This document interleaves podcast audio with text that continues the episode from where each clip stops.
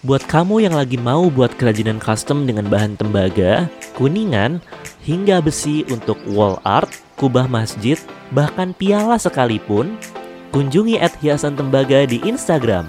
UMKM yang berlokasi di Cepogo, Boyolali, Jawa Tengah yang bisa membuat semua yang kamu butuhkan.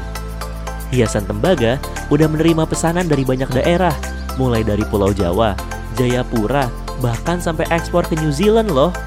Jadi gak usah khawatir untuk kualitasnya. Langsung aja ya ke hiasan tembaga di Instagram. Radio adalah salah satu alat yang gak pernah lekang oleh waktu dari zaman dulu menyebarkan soal berita kemerdekaan sampai sekarang di mana kita bisa dengerin lagu-lagu populer sampai yang bahkan kita nggak tahu nih lagu-lagu yang populernya justru ketika orang tua kita lagi jaya-jayanya. Di episode kali ini gue sudah bersama Mas Markus Gunawan membahas tentang bagaimana radio kemudian dapat bertahan dan justru berkembang dalam era disrupsi dari teknologi serta internet. So, welcome to the podcast Mas Markus. Thank you Kanja. Apa kabar? Alhamdulillah baik Mas. Mas Markus gimana kabarnya? Alhamdulillah baik juga. Alhamdulillah. So, Mas Markus Gunawan, Director of KG Radio Network. Uh, 33 radio paling banyak di mana, Mas? Briefly ya, 33 radio kita itu ada di 21 kota. Jadi satu kotanya adalah Jakarta, sisanya itu tuh tersebar mulai dari Aceh sampai Manado. Kira-kira begitu gambarannya.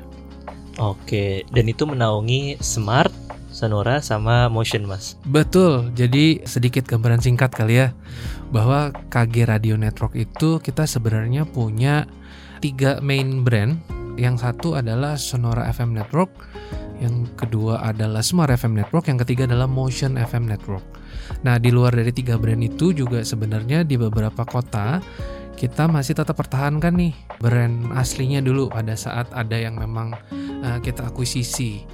Jadi kita punya Bangka, ada Palupi dan Prima, lalu kita punya di Cirebon DB Cirebon namanya. Di Solo kita pertahankan dengan brand Ria FM Solo. Lalu di Malang kita punya Kalimaya Baskara. Oke, so 21 kota dengan 33 radio. Betul. Dari ujung Indonesia sampai ujung satunya lagi gitu kan. Betul. Uh, boleh tahu nggak tuh Mas, itu awalnya gimana pas Markus baru menjabat? Tantangannya tuh paling gede seperti apa Mas? Oke, okay. question, tantangan gitu ya kalau ngomongin media.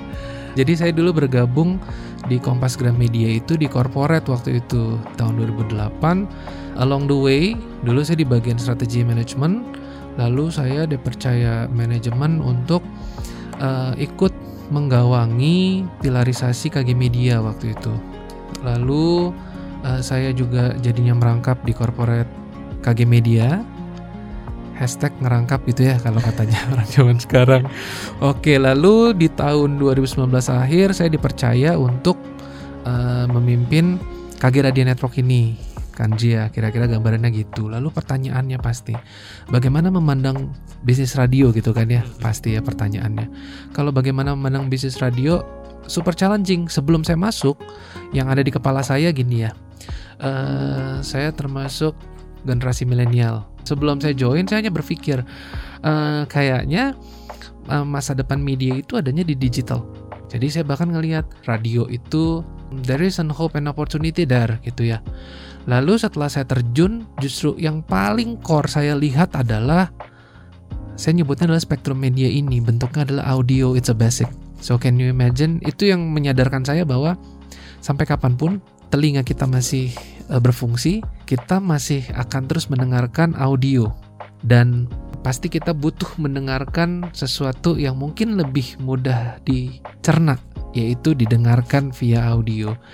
Jadi saya justru melihat at that time oh ya saya tuh benar-benar ada uh, switch paradigma yang sesimpel oh digital digital digital no matter what oke okay, poinnya adalah digital is a platform tapi kontennya di digital sendiri kan ada. Satu konten teks ada konten gambar ada konten video dan pastinya ada audio.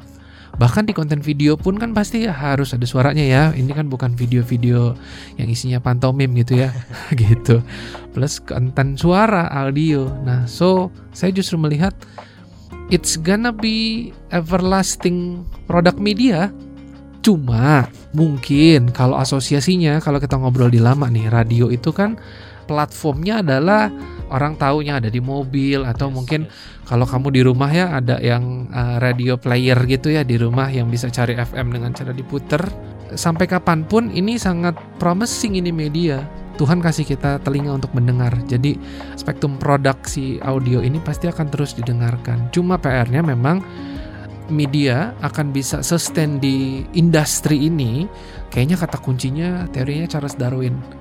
Siapa sih yang paling bisa bertahan? Bukan yang paling hebat, bukan yang paling kuat, bukan yang paling besar, bukan yang paling kecil, tapi yang paling bisa beradaptasi. Industri ini industri yang secara produk ini akan terus dibutuhkan tapi mungkin platform untuk menggunakannya itu yang mungkin berbeda. Tinggal kita pastikan bahwa kita hadir sesuai dengan kebutuhan dari audiens yang ngedengerin. Kira-kira gitu. Oke, adaptasi jadi penting lagi satu hal. Ketika kita ngomongin soal radio, satu hal yang langsung terbayangkan tuh kayak disk kotak radio yang gede gitu mas. Terus yang kita bayangin pasti old school, old iya. fashion yeah. segala macam. Nah, sebagai milenial yang masuk tadi Mas Markus uh, aku mengquote gimana cara Mas Markus kemudian nge-branding radio tuh jadi sesuatu yang anak muda bahkan seumuran Mas Markus dan uh, bahkan yang lebih muda itu tuh bisa dengerin juga, Mas. Mm, Oke, okay. another good question. Uh, Oke, okay. pertanyaannya kan bagaimana yuk kita nge-rebranding lagi tadi. Saya juga harus setuju tuh dengan stigma itu bahwa asosiasinya kan radio gila nih zaman bapak gua gila nih zaman perjuangan. Oke okay, kerusuhan reformasi 98 tapi kata kunci itu kan sebenarnya oh man media radio ini sebenarnya ada di timeline-timeline pentingnya bangsa ini ya. Lalu timbul pertanyaannya supaya tetap relevan kan tadi. Selalu challenge-nya gini. Kita tuh terdisrupt sekali ya dengan yang namanya media digital. Kita terdisrupt ya dengan yang namanya layanan streaming musik Apakah saya harus menentang itu? Enggak. Everything happen for the reason. Either itu kamu mandangnya jadi lessons or blessings. Lessons exactly. Itu semua ngedisrupt kita. Tapi uh, blessingnya adalah justru dengan hadirnya mereka yang mungkin kita mandangnya selama ini uh, sebagai threat karena saya yakinnya adalah setiap thread pasti ada opportunity-nya. Opportunity buat apa? Ya tadi justru bagaimana yuk kita berselancar di disruption gelombang itu poinnya itu. Mereka bilang dengerin musik lewat radio itu jadul. Ya nggak jadul apa kalau kata anak millennials. Oke okay, layanan streaming, ayo dengerin dong di Spotify. Bahkan di Spotify kind of podcast talk show yang kayak kita lakukan gini ya. Padahal sebenarnya apa yang kita lakukan saat ini yang bentuknya podcast ya, ini sebenarnya adalah bentuk yang sama loh dengan yang dilakukan teman-teman di radio. Cuma dia bentuknya adalah talk show kita dengerinnya lewat radio tadi kalau ke bahasamu tuh yang jadul ya yang uh, resepsinya bentuknya knop atau di uh, mobil gitu ya. Nah, tinggal ya PR-nya oh ya udah bagaimana kita memastikan produk kita ini hadir di platform-platform yang mereka anggap adalah platform kekinian tadi. That's why kan Jia kata kuncinya adalah daripada kita bersungut-sungut, iya si sebut saja inisialnya Spotify itu kompetitor kita. Kalau buat saya selalu, saya memastikan threat jadi opportunity itu saat kita coba kompromi dengan keadaan. Orang sebutnya kalau kompetitor adalah enemy, setuju kan Jia? Saya selalu menanamkan ke teman-teman yang ada di KG Radionet adalah instead of kita jadikan dia enemy, Coba yuk kita bergaul. Kenapa kita anggap dia sebagai musuh? Karena dia mendisrupt kita. Kenapa nggak kita coba pelajarin? Apa sih yang bikin dia mendisrupt kita? Sehingga bisa nggak ya kita coba beradaptasi dengan caranya dia. Supaya kita justru berterima kasih dengan adanya disruptor ini. Tandanya membuat kita jadi tidak nyaman Eh betul, kita hidup kan pengen nyaman, tapi somehow blessing in disguise-nya uh, saat kita di disrupt, saat kita nggak nyaman, di situ kita pasti punya banyak waktu dan energi untuk merefleksi kembali apa yang kita lakukan sebenarnya masih relevan gak sih? Apa pun produknya ya, kebetulan kita produknya media. Kenapa sih produknya laku? Kenapa sih kontennya viral? Karena kontennya relevan karena produknya tetap relevan. Upaya melakukan brandingnya kita coba masuk ke journey audience yang mau kita tuju tadi tuh, yang anggapannya adalah lebih millennials. Kayaknya kalau saya coba refleksi upaya yang selama ini kita lakukan tuh seperti itu ya. Karena gini, uh, saya percaya kok supaya kita diterima sama millennials kan kita harus paham millennials ya. Supaya produknya masuk ke pasar A kan kita harus tahu nih pasar A sebenarnya behaviorsnya apa, needs-nya apa. Kita pelajarin dulu nih siapa yang jadi uh, sasaran target marketnya kita. Bahkan penting loh kita pahamin yang namanya customer journey. Customer journey mulai dari the way dia konsumsi produk kita dalam hal ini media ya dia tuh biasanya gimana? Kan katanya kan sekarang bangun tidur semoga berdoa dulu ya. Kok kenapa sih jadi religius? Uh, biasanya langsung ngecek oke okay, di handphone ada yang chat nggak? Lalu mungkin aplikasi oh ada berita update apa nggak? Dan segala macam nah itu bahwa kita memastikan produk kita itu akan semakin dekat dengan bagaimana audiens kita mengkonsumsi sebuah media itu yang perlu dipastikan. Nah, kenapa saya jadi langsung analoginya adalah ke layanan platform streaming musik? Karena nggak bisa dipungkirin. Radio kan sebenarnya produknya paling dekat selain informasi, hiburan berikutnya apa? Musik ya, gitu. Sehingga saya coba melihatnya seperti itu. Di luar itu, ini juga yang saya sadarin. Saya lupa waktu itu jadi ada penelitian, kajian sebenarnya mengenai tadi konsumen behaviorsnya orang konsumsi media tuh dalam bentuk produknya apa? Kalau nggak salah waktu itu di research itu ditampilkan bahwa tingkat konsumsi media dalam bentuk audio visual itu uh, jadi uh, top of tiernya. Orang sekarang lebih suka apa? Nonton instead of ngebaca. Nah itu. Dari situ saya lihat benar produk kita adalah audio. Tapi uh, saat tren itu ke arah video. Nah ini juga upaya saya dorong ke teman-teman KG Radio Network untuk relevansi itu nggak hanya di platform uh, ataupun di mediumnya yang bentuknya produknya audio loh. Kita juga harus masuk nih ke platform-platform atau format dari uh, media yang memang banyak disukai oleh generasi milenial tadi. Tren menonton itu semakin tinggi, tren orang menyukai uh, segala macam bentuk konten dalam bentuk audiovisual. So that's why kita pun beradaptasi ke dalam bentuk audiovisual. Gitu. Saya jadi penasaran nih soal face perubahan yang berbeda-beda kan 21 kota terus solusinya mungkin nggak sama nih mas uh, tantangannya juga mungkin beda-beda betul how do you how do you kemudian gimana cara mas Markus kemudian lead ke 33 radio ini untuk ikutan di gelombang digital transformasi um, apakah kayak satu solution untuk divorce ke semua atau kayak gimana mas? Oh, that's the good question. Uh, ini kayak gini, saya tuh punya hashtag dalam hidup, okay. hashtag fighting spirit is life karena me, me, mewujudkan goals tadi ya bahwa kita melakukan digital transformation dengan pace yang sama. Oke, okay, itu uh, bukannya tidak mungkin, tapi memang cukup tough. Nah, saya tuh selalu berprinsip gini, kadang-kadang orang itu untuk dirubah kebiasaannya biasanya kan kayak butuh contoh dulu. Hmm. Contoh yang tidak hanya memberikan caranya, tapi contoh caranya ternyata setelah kita lakuin, eh ada hasilnya ya. Jadi kayak ada piloting exercise-nya. Nah, that's why approach yang uh, saya lakukan di KG Radio Network adalah Pertama, sosialisasi dulu semua main goalsnya kayak apa. Lalu, saya biasanya akan pilih karena saya lebih setuju bahwa sekarang kayaknya untuk bisa uh, realize dream digital transformation dengan pace yang sama, selalu buat yang namanya piloting exercise. Kita coba dulu, coba dengan scope mungkin yang lebih kecil dan yang bisa kita control. Makanya saya dorong dulu nih buat tim-tim terutama di Jakarta pasti harus jadi contoh. Lalu selebihnya karena kita ada di seluruh network, kita harus mapping kan Zia. Pengalamannya sih kemarin kita coba mapping strength weaknessnya masing-masing daerah. Daerah mana yang kira-kira punya konteks strength that weakness ataupun capability yang bisa kita dorong dan accelerate duluan. Kira-kira potretnya seperti itu. Sambil tetap terus pembekalan, sosialisasi terus dilakukan. Karena buat saya gini, kita benar ada di 21 kota, ada di 33 radio station. Tapi potret strength weakness itu di setiap kota pasti berbeda.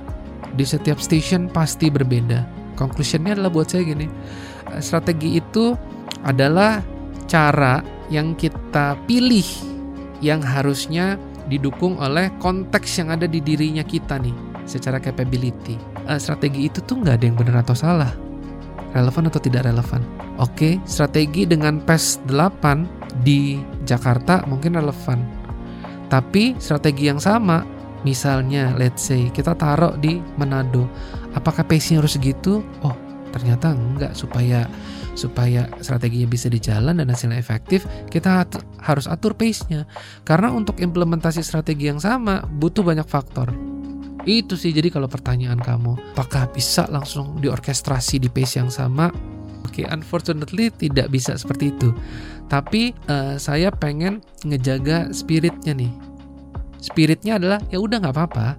Di kota A pace-nya bisa sekian, kota B sekian. Tapi justru spirit semangat bahwa kita bergerak ke arah sono loh, gitu. Nah, I see. Bahkan sekarang pun aja ya mas ya. Sekarang tuh kan udah ada kelihatan tuh information teknologi kan yang let's say di Jakarta kita udah jauh-jauh ngomongin metaverse dan NFT di di kota lain bahkan mungkin lampu tuh masih kayak cuma 8 jam per hari gitu. That, that's something yang apakah menurut Mas Markus kemudian ini tuh harus kita kecilin terus gapnya di setiap kota-kota yang ada KG Radio Network? Hmm, Oke, okay. pasti saya maunya goal akhirnya adalah kita kecilin gapnya. Saya sebenarnya maunya semuanya ini punya pace yang sama supaya tadi ya gapnya kecil nih perbedaannya. Tapi kembali ini yang nggak bisa dipungkirin bahwa strategi mungkin strategi yang kita lakukan di kota besar kayak Jakarta sama strategi mungkin di kota tadi bahkan yang kamu bilang aduh bahkan lampunya kadang-kadang eh listrik nih onnya 8 jam sisanya nih suka berebet gitu ya. Nah itu kan kembali kontekstual environment yang ada ya. Karena strategi kan ya threadnya tadi kondisi environment infrastruktur yang memang kadang-kadang itu beyond our control gitu. Sehingga ya udah somehow saat kita udah ngelakuin yang terbaik tapi kendalanya adalah faktor luar ya ujungnya iris wariris tapi kalau ditanya what's your main objective or goals, ultimate goalsnya maunya tuh saya semua punya pace yang sama gitu. Tapi kan ya kembali kayak dulu zaman kuliah, kenapa saya jadi uh, uh, callback zaman kuliah ya, zaman kuliah kan kita lulus dengan segala macam idealisme. Ini lo harusnya A B C, tapi pada saat kita udah jadi pemain di industri, jadi more realistis. Kadang-kadang oke, okay, ini memang yang terbaik yang bisa kita lakukan dengan konteks A dengan konteks infrastruktur yang terbatas. Mungkin kalau ditunjangkan infrastruktur yang lebih baik, kita bisa up. Tapi yang paling penting adalah kita udah ngelakuin segala macam exercise, cara ataupun inisiatif yang kita lakukan untuk memaksimalkan semua yang ada, strength weakness yang kita punya, gitu sih kira-kira. Terus mas melihat gimana kemudian platformnya jadi berubah-berubah, jadi hampir semua orang tuh ke video semua, TikTok tiba-tiba jadi the most platform yang boostnya paling kenceng tahun kemarin sama pandemi. Spoiler dikit tuh mas, apakah KGRN juga bakal ekspansi ke arah video lebih banyak ke depannya? Oh oke, okay. uh, eh, unpredictable ya. Dulu cuma tahunya oke okay, orang cuma mau, mau mulai lari ke video, terus ada istilahnya uh, short video, ya let's say TikTok gitu ya apa yang ada di TikTok diadopsi nih sama si kita sebutnya Meta ya Meta. Uh, oke okay, Meta grup itu dengan produk-produknya. Jadi ada short videonya Facebook reelsnya Instagram lalu di YouTube juga ada short video. Jadi uh, short video it's gonna be a new a new things a new vibes gitu ya. Sehingga kalau pertanyaannya Kanji adalah boleh di spill nggak? Ke depan kita akan lari ke situ. Ya tadi saya ini lagi callback ke punchline saya. Kata kuncinya adaptasi. Definitely. Itu juga kita pasti akan berusaha ke sana. Kita coba terus keep up dengan uh, tren yang terjadi. Kira-kira sih gambarannya gitu. To make it our product as relevant as possible ya. Oke keren banget. Kita masuk ke sesi Q&A udah ada beberapa pertanyaan yang aku kurasi ya mas. Kita mulai dari kira-kira kriteria paling penting yang harus dipunya kalau mau kerja. Mungkin eh, dalam hal ini in general dulu mas. Oh oke. Okay. Apa kriteria yang harus dipunya kalau mau kerja? Satu, yang pasti, kamu emang mau kerja.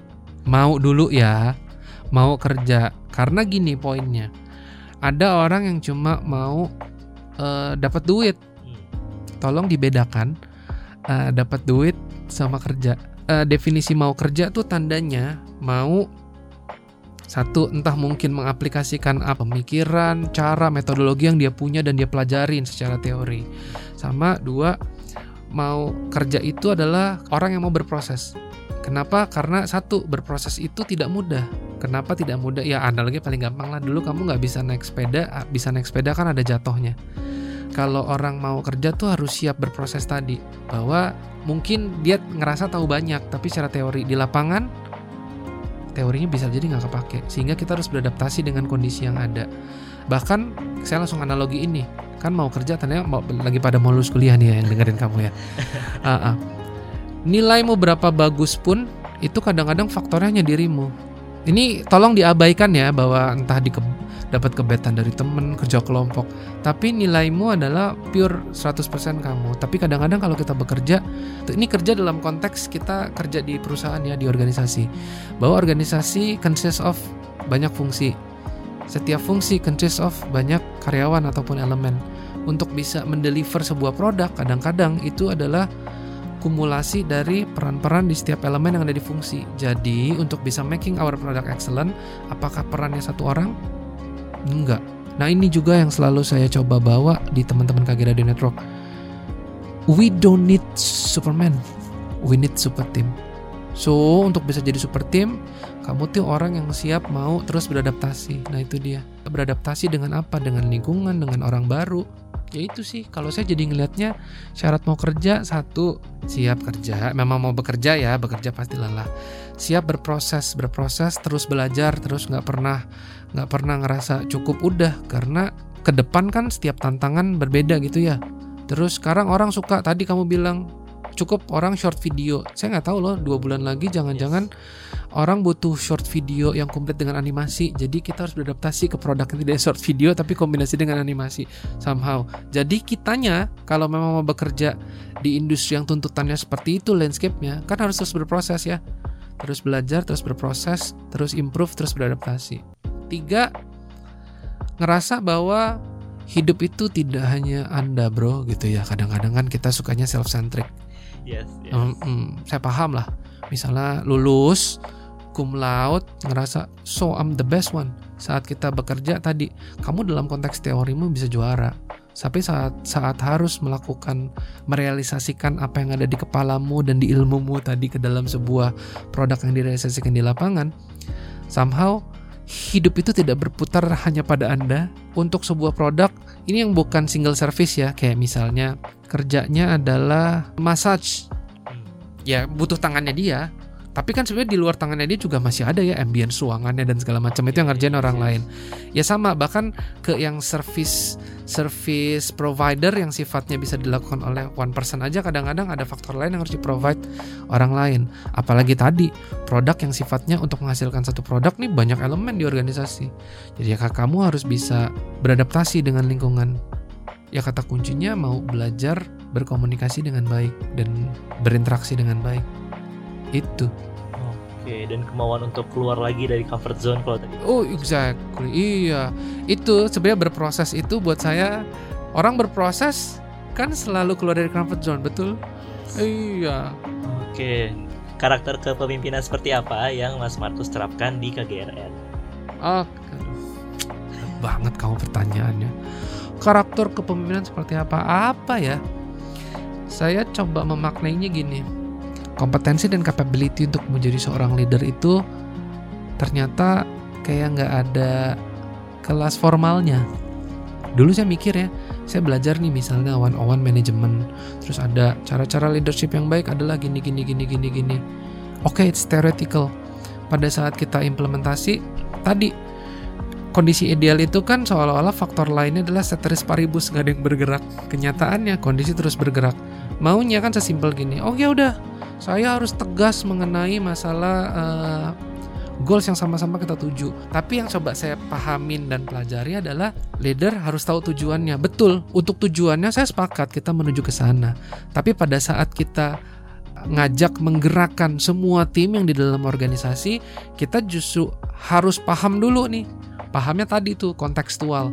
Dalam hal tadi misalnya untuk implementasi strategi A ada strength weakness ini opportunity threat. Kita potret deh tim kita. Konteksnya ada di mana nih? Sehingga untuk bisa implementasi itu kita juga harus tahu apa yang harus kita siapkan ke teman-teman. Jadi poinnya tidak hanya menuntut untuk semua melakukan hal ini tapi kita juga harus bangun empati. Empati dengan kita paham dulu nih, organisasi ini sebenarnya uh, strength weakness-nya apa, kompetensi capability-nya kayak apa. Sehingga pada saat kita berdiri, berdiri sebagai seorang leader karena jadi beda nih kanjia in my opinion ya.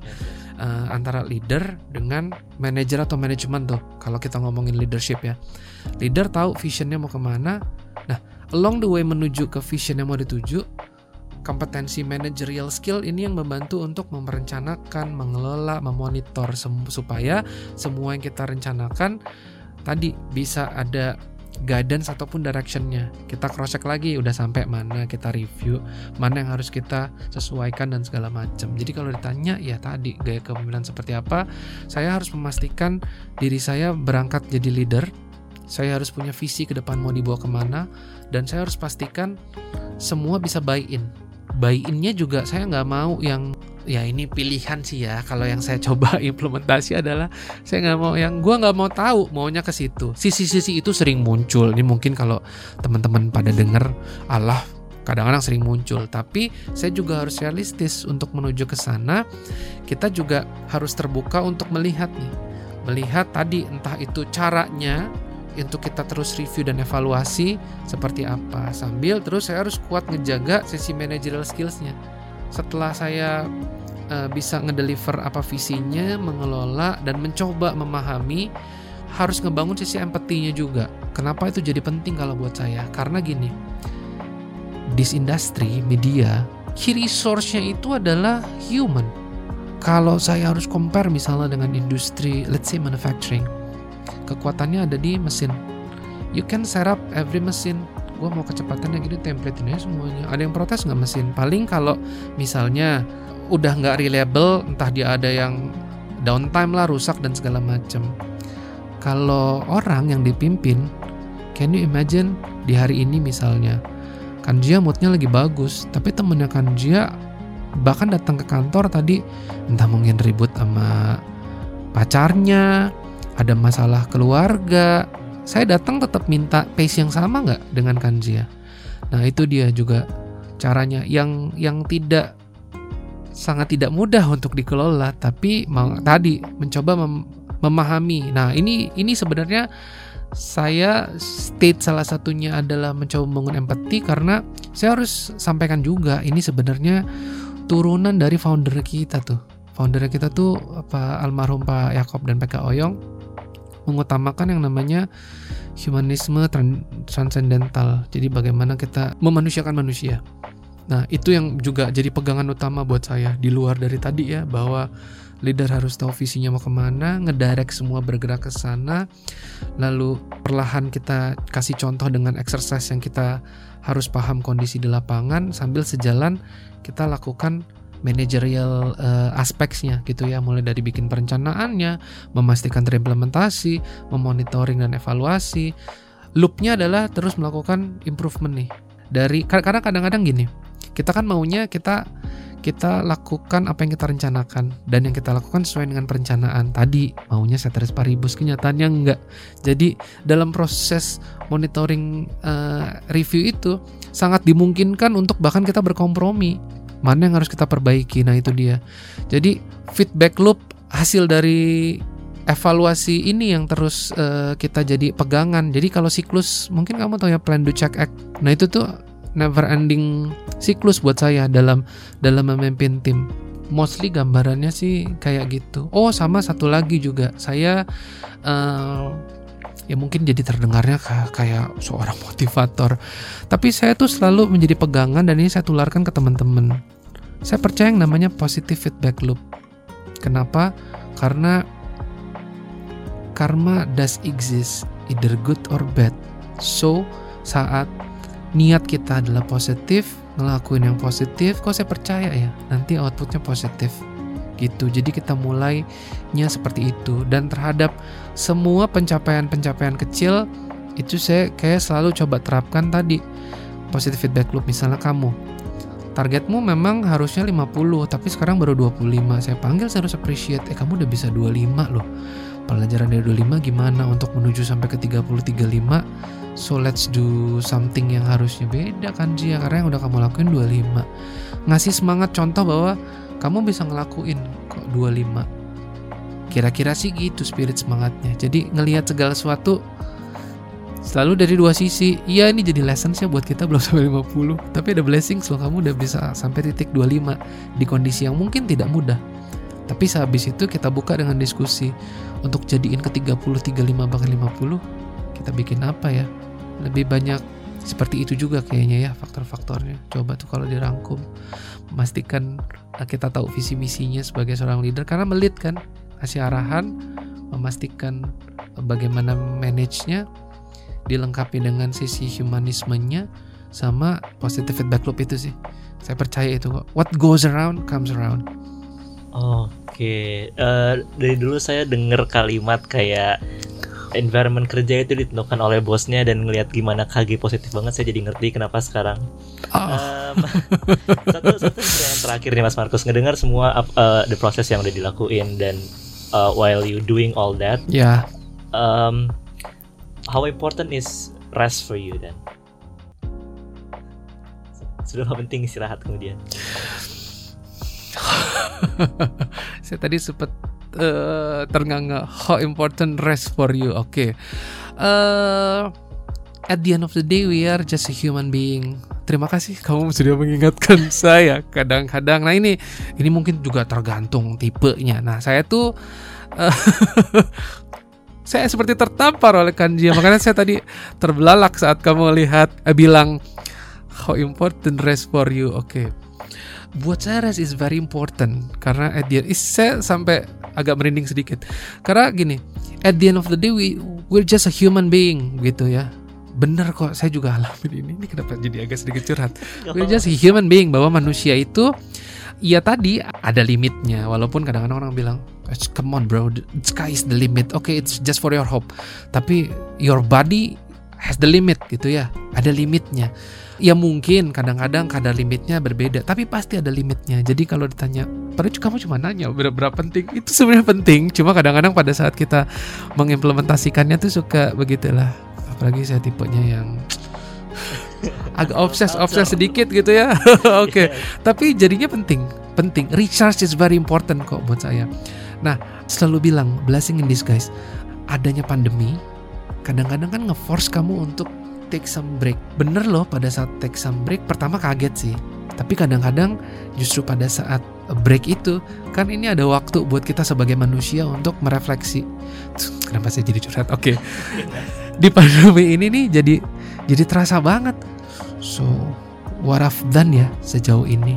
Uh, bahkan jadi melakukan kontemplasi diri oke okay, kalau saya udah ngelakuin seperti ini ada lagi nggak ya yang kira-kira harus saya perbaiki dari yang sudah saya lakukan apa yang sudah saya pelajari dari journey yang sudah saya lakukan nih sehingga ke depan jangan-jangan saya bisa ngelakuin yang jauh lebih baik mungkin dari yang sudah saya achieve karena jadinya rest tadi tadi buat nge-recharge diri kita satu ya karena manusia butuh istirahat ya. Nah, itu jadi important. Terus diingetin juga sebenarnya ngingetin diri oh rest is very important. Terus kedua ya tadi itu jadi uh, sarana untuk ya saya sebutnya refleksi lah ya kayak kontemplasi berat sekali. Refleksi untuk melihat uh, apa sih yang perlu kamu tengok lagi gitu ya. Tapi thank you loh kamu ngebahas ini karena sebenarnya saya nih sebenarnya tipe orang yang selalu push myself and capacity to to the limit. Saya tuh tipe yang dulu bahkan pada saat saya kuliah uh, mungkin orang-orang uh, take a break uh, liburan yang tiga bulanan gitu ya. Kalau zaman kuliah kan semester genap saya ambil internship sana internship sini. Sambil kerja saya ngambil course course non gelar tapi karena yang mau saya kejar adalah ilmunya. Pamer sedikit. Gitu di salah satu universitas di sinilah di Jakarta.